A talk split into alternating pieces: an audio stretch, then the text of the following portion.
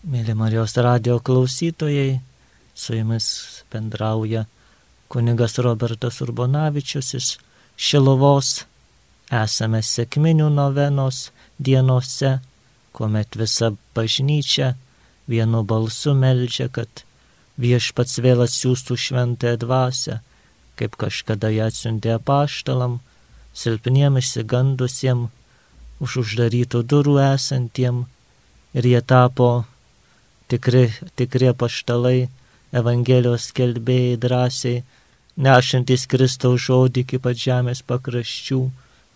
Taip ir mes melčiame, kad toji šventoji dvasia, kuria aišku visada yra su mumis, visada yra su savo bažnyčia, yra jos vedlė ir vadovė, kad toji šventoji dvasia vėl nužengtų į mūsų širdis, į mūsų bažnyčias, parapijinės, mūsų vienuolynus, į mūsų visą visuotinę bažnyčią ir galiausiai, kaip melžiame maldavimuose, atnaujintų visą žemės veidą. Šventoji dvasia, toji trečiasis trybės asmuo yra ta gyvybė, kuri mus maitina, kuri mums leidžia pažinti Kristų ir kuri leidžia gyventi Kristuje. Iš apaštalų darbų žinome, kad kartu su Jėzaus mokiniais aukštutinėme kambaryje buvo ir mergelė Marija, Jėzaus motina, kuris su apaštlais kartu meldė šventosios dvasios išliejimo. Tad ir šiandien, sakminių novenos dienoje, ir mes pakalbėkime apie mergelę Mariją ir šventąją dvasę, kas sieja šiuos asmenis juk tai tam yra tikrai tinkamas laikas. Visi esame dažnai įpratę, kalbėdami apie Mariją, dažniausiai ją minėti kaip, kaip Dievo motina, tai yra Dievo sūnaus antrojo trejybės asmens motina. Jinai pagimdė Kristų, buvo jo motina. Kartais prisimename ir kalbame apie mergelę Mariją kaip viešpaties tarnaitę, tėvo dukra, tai yra ta Dievo tėvo išrinkta tarnaitė, išrinkta moteris, kuri pagimdė įsikūnysių žodį. Ir tikriausiai labai retai, bent mes, katalikai, apmastome Marijos ir šventosios dvasios, tai yra to trečiojo trybės asmens ryšį iš bažnyčios mokymo, iš šventųjų, teologų žinome, kad Marija yra vadinama šventosios dvasios sužadėtinė. Tačiau ką tai reiškia, turbūt ne vienas ir ne tik paprastas eilinis tikintysis, bet ir galbūt ir kunigas, ir, ir pašvestasis turbūt negalėtų paaiškinti. Šventoji dvasia apskritai yra gal sunkiau, sunkiau suvokiama, sunkiau paaiškinamas jinai pažįstama labiau per, per veikimą, per jos pasireiškimus, nei per tai, kas jį yra. O Marijos ir Šventosios dvasios ryšį taip pat yra, nėra, nėra lengva išaiškinti ir, ir suprasti. Kalbėdami apie šventąją dvasę, dažniausiai mes šiais laikais galvojame apie katalikų charizminį judėjimą arba protestantiškosius šventosios dvasios kabutėse vadinamų charizmatų judėjimus, kur, kur šlovinama, kur šaukiame šventosios dvasios. Yra ir mūsų Lietuvos bažnyčioje tų charizminių bendruomenių. Tikrai jau esame įpratę, nėra taip kaip prieš 20-30 metų, kai, kai atrodė, kad tai yra kažkokios sektos ar protestantiškos bendruomenės katalikų bažnyčioje. Tačiau Marijos ryšys ir Marijos vieta toje charizminėje teologijoje turbūt dar nėra iki galo apmastyta ar bent jau praktikoje nesuprasta, nors tai ypatingai būtų tikrai katalikiško charizminio sąjūdžio vienas iš tų tikrai ypatingų savybių. Žvelgdami į šventąjį raštą, į naująjį testamentą, mes turbūt galima pasakyti, kad Marija yra vienintelis asmuo, kuri šventosios dvasios atsiuntimą, šventosios dvasios nušengimą patyrė du kartus, jeigu taip jau iš pirmo žvilgsnio skaičiuotume. Tai yra apreiškimas Marijai, kuomet girdime, kaip angelas sako, šventoji dvasia nužengs ant tavęs. Ir štai sėkminės, kuomet šventoji dvasia nužengia ant apaštlų ir vėl ant mergelės Marijos. Taigi Marija tikrai buvo toji, kuri geriausiai pažino šventosios dvasios artumą. Jis, kaip kai kurie mystikai vadina, buvo šventosios dvasios šventykla, šventosios dvasios buveinė. Vien tai turbūt tikrai dėrėtų apmastyti ir giliau, giliau suprasti. Neveltui evangelistas Lukas turbūt ir sąmoningai gretina šios dalykus.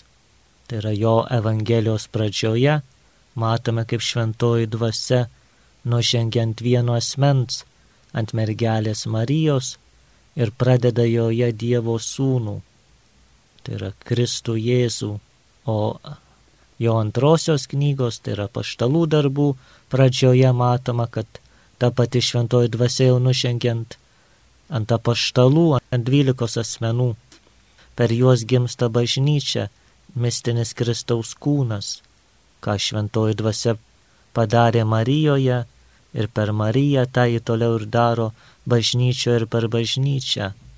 Neveltui ir bažnyčios tėvai ir teologai niekad net skyrė ir net skiria Marijos ir bažnyčios.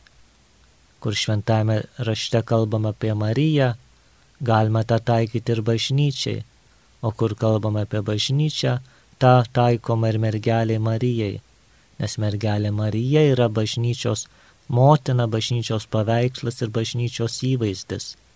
Kaip jau minėjau, kalbant apie apreiškimą Marijai, mes ir girdėme tuos angelo žodžius, kuomet jisai ją pasveikina, kuomet pasako, kad susilauks dieviškos sūnaus, jisai paminė tą frazę, šventoji dvasia nužengs ant tavęs ir aukščiausio galybė apdengs tave savo šešėliu.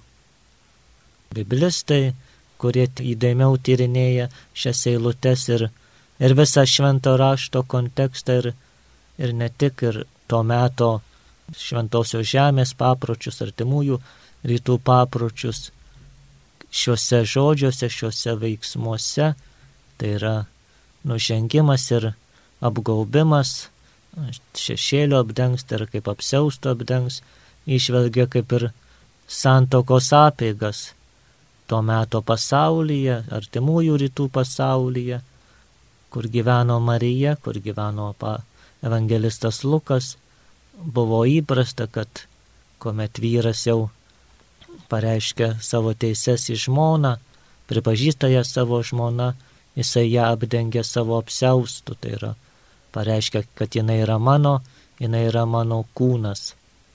Tad šitos, šitos eilutės evangelisto Luko užrašytos išreiškia labai daug, tai yra, kad šventoji dvasia, trečiasis asmuo švenčiausios trejybės, mergelę Mariją paima kaip savo sužadėtinę, tai yra Marija tampa šventosios dvasios nuotaka.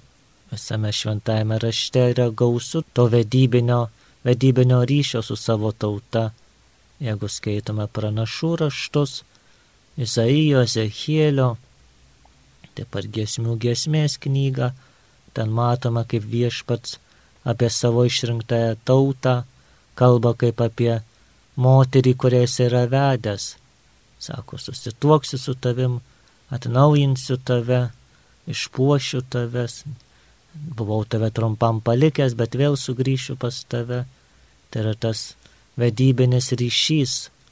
Taigi šventoji dvasia ir mergelė Marija yra taip net skiriami, sakytume, kaip vyras ir žmona, tas ryšys.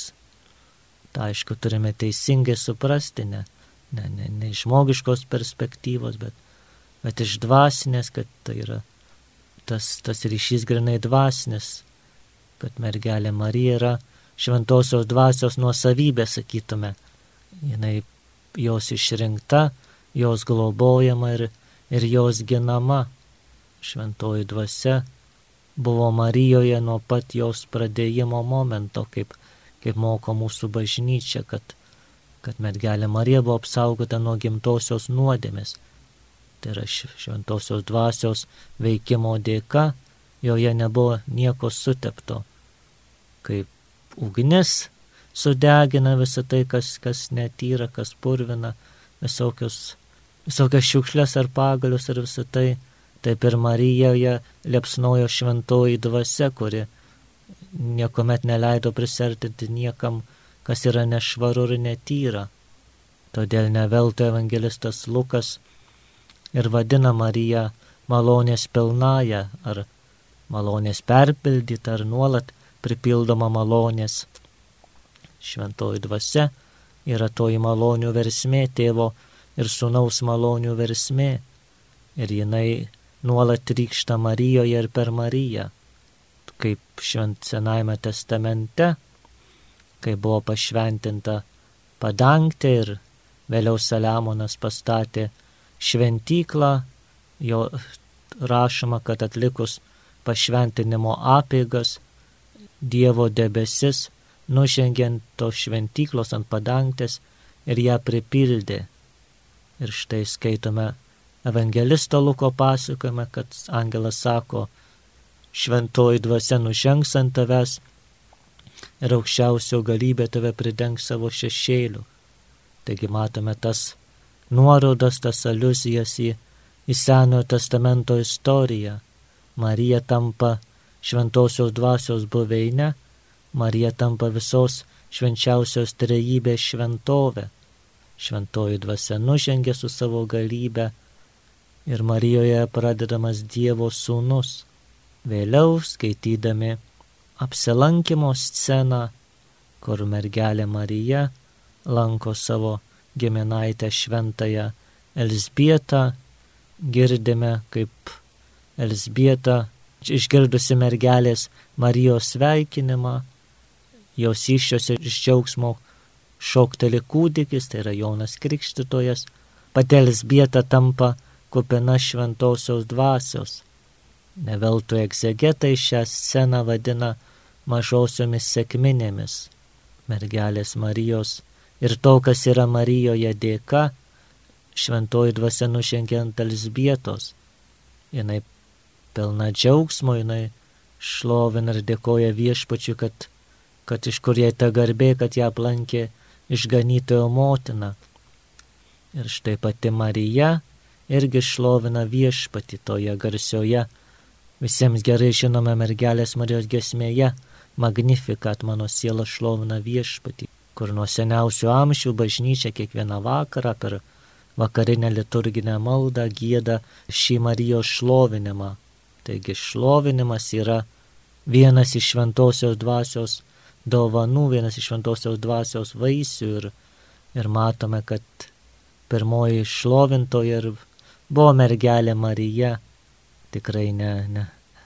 Šlovinimas atsirado ne, ne 20 amžiuje, ne po Vatikano antro susirinkimo, ne, ne charizminėse bendruomenėse, bet jis jau yra šventame rašte, jau jis skamba iš mergelės Marijos širdies.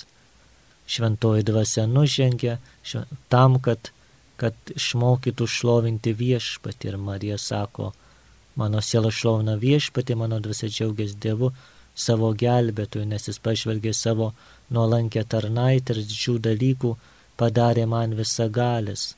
Taigi šiuose eilutėse matome tą visą ir Dievo garbinimą, ir tiesą, kad kad Marija yra Dievo išrinkta, kad, kad viešpats jai padarė didžių dalykų. Tas galėtume pasimokyti šios Marijos gesmės, kaip reikia šlovinti viešpatį dvasioje ir tiesoje, kaip evangelistas Jonas rašo, jog mūsų viešpats Jėzus Kristus kalbėdamas su Samarietė prie šulinio sakė, kad, kad ateis valanda, kada Tikrai garbintojai šlovins tėvą dvasia ir tiesa, ir pats tėvas tokių garbintojų ieško. Taigi šlovinti dvasioje ir tiesoje, tai reiškia šlovinti šventosios dvasios galybės dėka.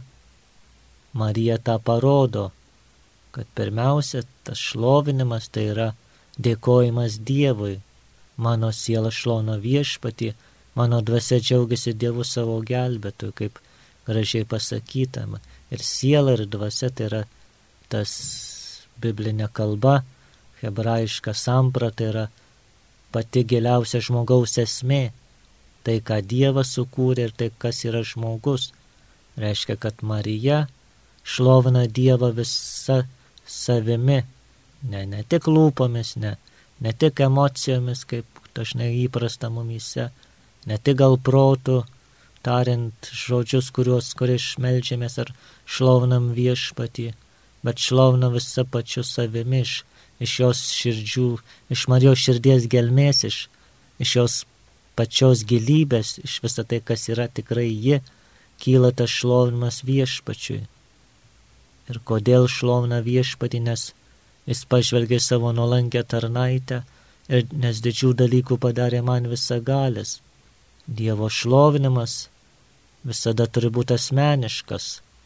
Aš negaliu garbinti ir šlovinti Dievo, jeigu nejaučiu, jog esu jo mylimas, jeigu nejaučiu, kad esu jam brangus, jeigu nejaučiu tų Dievo darbų, kuriuos jis daro mano gyvenime, jeigu mano širdis yra apsunkinta nuodėmės, kaip aš galiu šlovinti viešpatį. Juk džiaugsmas tai irgi yra šventosios dvasios dovana. Galima pažvelgti į save, į savo aplinką, tikrai prisiminti, kiek matome žmonių, patys dažnai būname ir liūdini ir nusiminę, tikrai visai nesinori nei šlovinti, nei, nei dėkoti Dievui. Ir priešingai, kai, kai širdis yra laisva, apvalyta, kai širdis yra paliesta šventosios dvasios, kaip yra gera melstis, kaip yra gera dėkoti, kaip yra gera šlovinti viešpatį nes kiekvienam iš mūsų jis padarė didžių dalykų. Galiu Dievą aišku šlovinti kitų lūpomis, už tai, kad jis daro kitiem didžius dalykus ir tai yra gražu ir teisinga, nes bažnyčioje tikėjimą viskas bendra. Mano brolio geri dalykai priklauso ir man, tačiau tas šlovinimas nebus tikras, šlovinimas nepalies širdies gelmės, jeigu jisai nebus asmeniškas, tai jeigu aš nešlovinsiu viešpatės už tuos dalykus, kuriuos jis padarė mano gyvenime. Tad Marija tikrai yra ta mokytoja, kaip reikia šlovinti Dievą šventojo dvasioje ir tiesos dvasioje.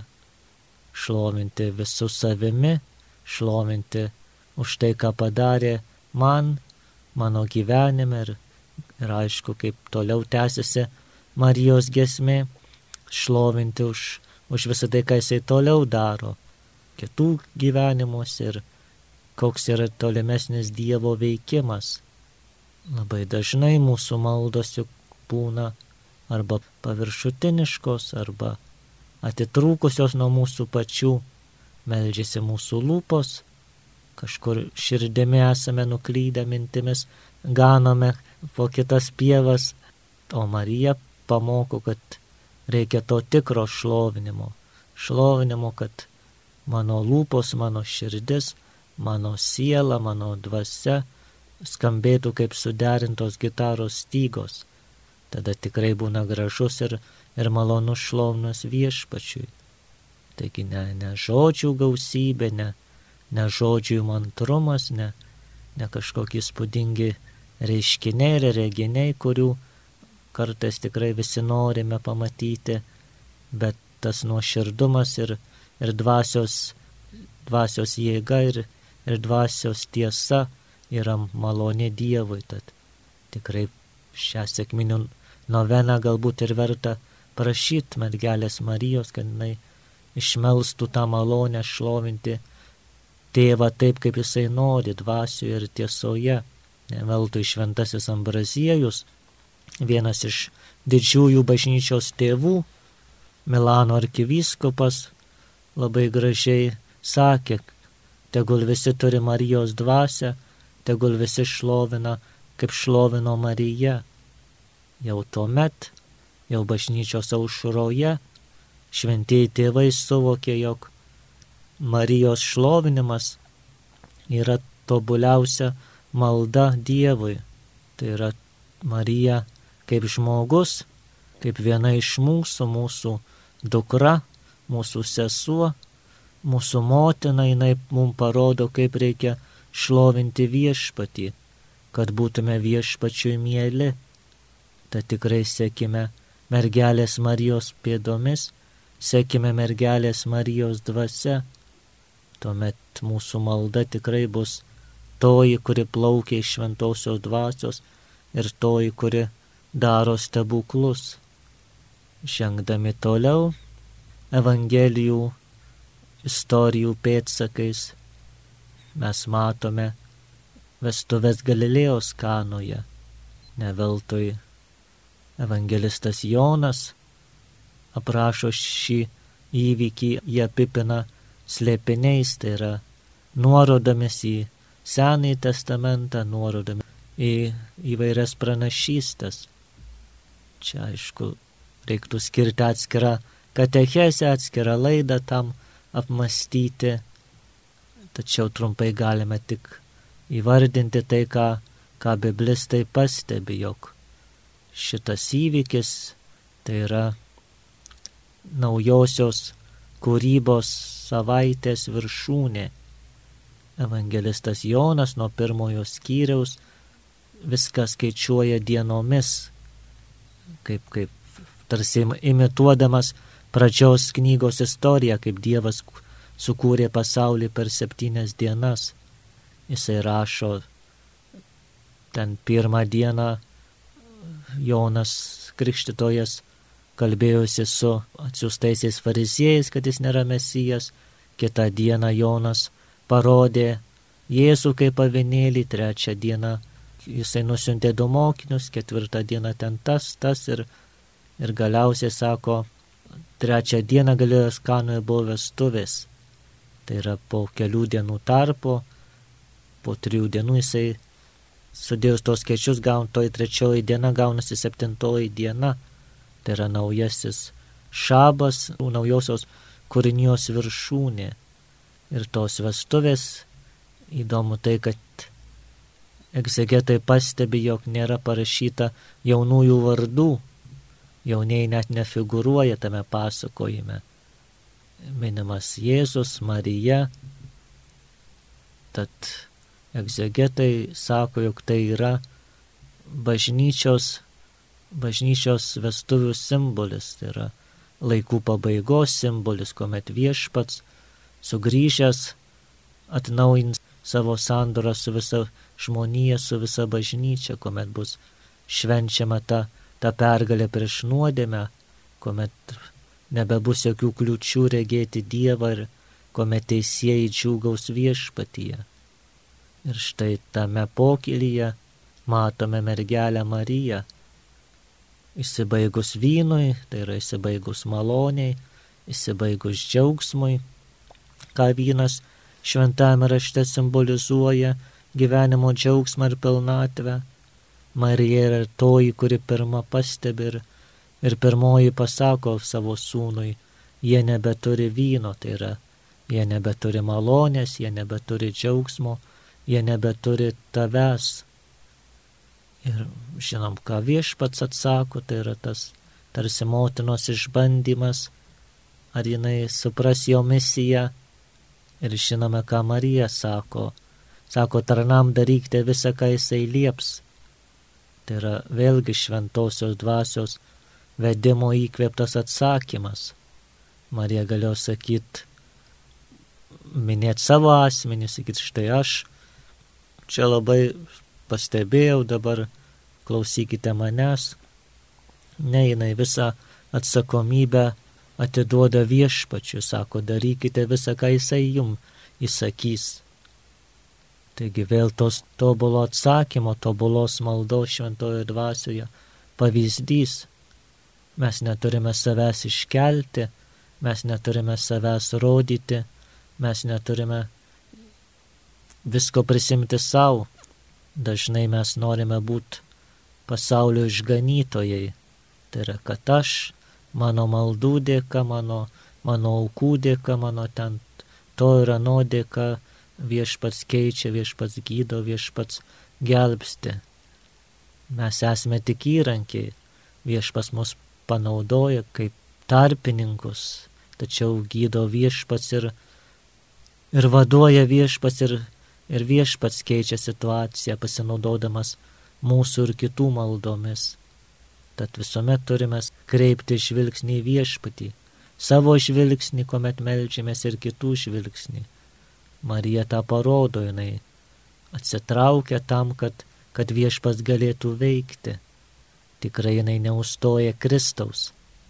Čia yra atsakymas tiems, kurie dažnai ar bijo, ar kaltina tuos, kurie myli Mariją, kad kad tai yra per daug, nes kam, nes Marija užstoja Jėzų, kam kreiptis į Mariją, galima kreiptis į Jėzų, o pagerbdami Mariją mes tarsi sumažinam Kristaus garbę.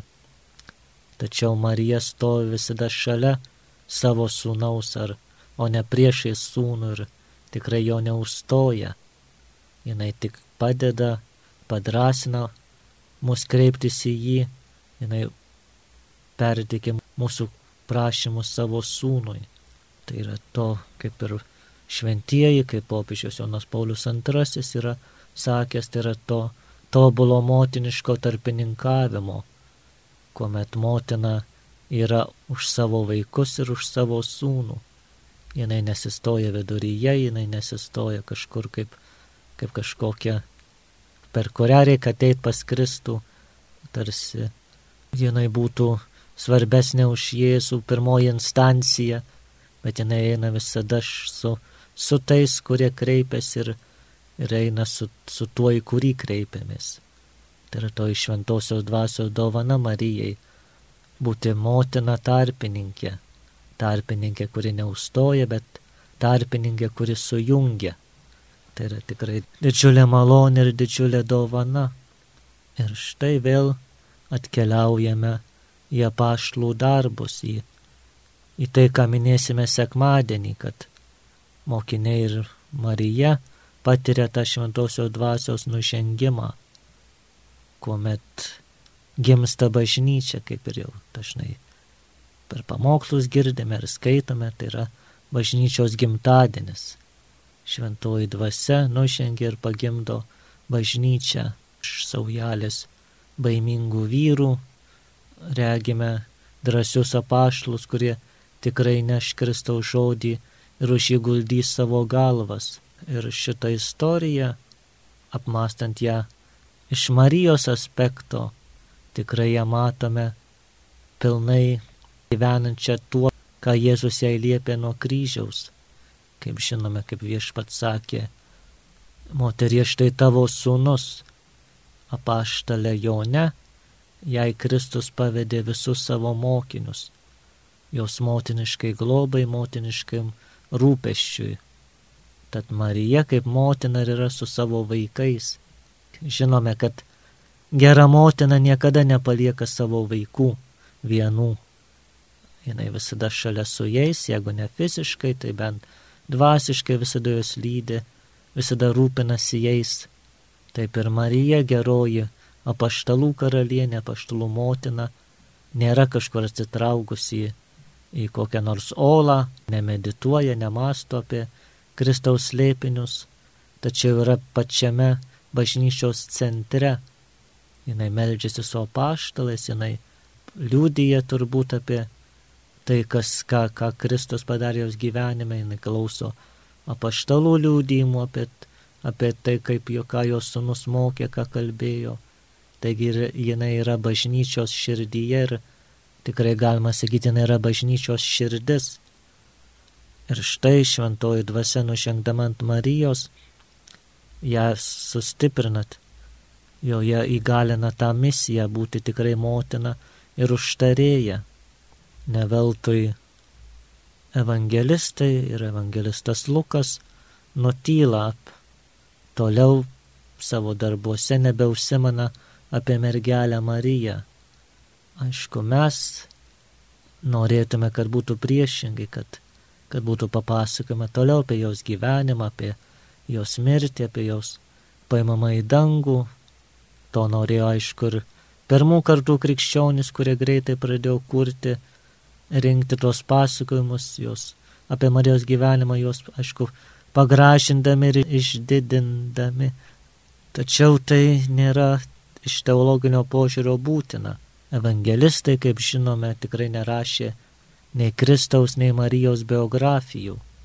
Nerašė nei kaip ten Jėzus augo, nei ką jis mėgo valgyti, nei kaip jisai atrodė, ar kaip Marija elgėsi, ką jinai veikė po prisikėlimo, nes tai nėra esmė. Evangelistai rašė tiems, kurie turėjo įtikėti ir kurie turėjo gyventi Kristaus žodžiu, aprašyti Kristaus ženklai, Kristaus žodžiai, Kristaus mirtis, prisikėlimas, tam, kad tai mokiniai būtų sustiprinti, mokiniai turėtų nuorodas, kaip, kaip šiame pasaulyje eiti pirmin su Kristumi. Tad ir tas Marijos lėpinys yra tikrai uždengtas. Galime tik spėliot, galime tik galvot, kad Tikrai mergelė Marija tas, jei žemėje likusias dienas praleido toje maldos tarnystėje. Nematome jos tarp apaštalų, kurie evangelizuoja ir gydo, kurie skelbia žinę. Tikrai jinai buvo kaip, kaip tas mozė, kuris iškėlęs rankas laikė į dangų tam, kad, kad tie, kurie izraelitai kariavo su Amaleku, tai yra su ta viena iš Kanano tautų, kad jie laimėtų. Komet Mozė nuleisdavo rankas, tuomet izraelitai pralaimėdavo, o kuomet Mozė iškeldavo į dangų, izraelitai laimėdavo. Šitas pasakojimas bažnyčioje visada buvo suprantamas kaip tai, jog ką reiškia malda, ką reiškia tie žmonės, kurie bažnyčioje meldžiasi, tai yra vienuoliai, ypatingai uždarų, klausūrinių vienuol, vienuolynų broliai seserys, jie yra tos iškeltos rankos, kuomet tie aktyvieji nariai, kunigai, apaštaliniai vienuoliai, pasauliečiai, kuomet skelbia Kristaus karalystę, kovoja su, su sakytume, piktojo pajėgomis dėl sielų, svarbiausia yra tie, kurie yra iškėlę rankas į dangų ir meldžia viešpatės pagalbos, nes ne iš mūsų jėgos, ne iš mūsų galybės ateina toji pergalė, toji pergalė visada ateina iš Kristaus ir per Kristų. Tad ir Marija, galima pasakyti, buvo toji, kuri laikė iškėlus rankas į savo tėvą sūnų ir sūnų. Jis tikrai meldėsi už tą jaunąją bažnyčią, už apaštalus, už mokinius. Tikrai jos dienos buvo pripildytos tos maldos, tad mąstydami Marijos ir šventosios dvasios ryšį, mes matome Mariją kaip pavyzdį mums, kaip reikia gyventi šventosios dvasios malonėje. Šventoji dvasia tai pirmiausia yra toji meilės dvasia, tėvo ir sūnaus dvasia. Jis padeda pažinti tėvą ir sūnų, padeda gyventi krikščionišką gyvenimą. Todėl mergelė Marija yra mums pavyzdys ir, ir pagalba tame kasdieninėme gyvenime. Nors kaip tas anegdotas turbūt protestantiškas sako, jog katalikai pripažįsta trejybę, tai yra tėvą, sūnų ir Mariją, išmesdami šventąją dvasę, tačiau realybėje to nėra. Marija, nors tikrai ją mylime, nors tikrai turbūt kasdienybėje daug labiau dažniau kreipiamės į mergelę Mariją nei į šventąją dvasę, tačiau tai nėra kažkokia erezija ar klaida, nes pati šventoji dvasia yra įsimylėjusi Mariją ir pati šventoji dvasia Marija padariusią savo šventovę. Pati šventoji dvasia, kaip ir sako Pašlas Paulius, kiekvienam duoda skirtingą kelią ateiti pas Dievą. Vienas turi tokį maldaus būdą šventojo dvasioje, kitas kitokį, vienam patinka per šventuosius eiti, kitas nori pats eiti tiesiai pas Kristų, o tas ypatingas kelias, ypatingas būdas priartėti prie viešpatės, tai yra eiti su Marija ir per Mariją. Šventoji dvasia tikrai nesupriešina ir šventoji dvasia tikrai neišskiria. Tas, kuris myli, žino, kad visi keliai, kuriais einama, svarbiausia, kad jie vestų į Kristų, ne kažkur kitur, ne nuo Kristaus. Ir kaip šventasis Liudvikas Marija de Monfortas, vienas iš didžiųjų Marijos apaštalų, yra pasakęs, kad sako, taip, galime kopti per kalnus, galime eiti tais brūzgynais, kuriem patinka, tačiau galime rinktis šių laikų terminai sakant greitkelį. Tai yra Marija, Marija yra tas saugus greitkelis pas viešpatį. Saugus kelias, patikimas kelias, be kliūčių, be kažkokių didelių, didelių iššūkių. Tačiau tai nėra kelias tinginiams, nes priešingai Marija, kurie yra su ja, kurie nori per ją eiti, pas viešpatį, jinai juos padaro tokius, kokios buvo ji. Tai yra atsisakant savo norų, atsisakant savo, savo minčių, atsisakant savo kažkokių troškimų, kad šlovintume Dievą dvasia ir tiesa. Tačiau ją sėkminio oktavoje, aišku, tik pabandėme apžvelgti, panagrinėti mergelės Marijos ir šventosios dvasios ryšį. Su jumis bendrauja kunigas Robertas Urbonavičius iš Šilovos.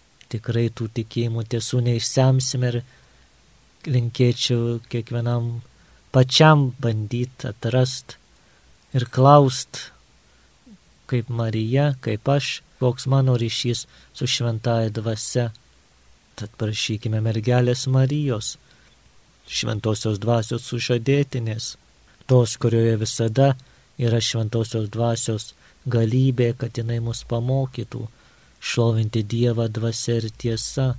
Ateik šventoji dvasia, ateik per nekalčiausios mergelės Marijos širdį, uždeg mūsų širdis, perkeisk jas, padaryk jas savo buveinėmis, kad šlovintume tėvą, visų savo gyvenimo, visus su savo darbais ir visais savo žodžiais.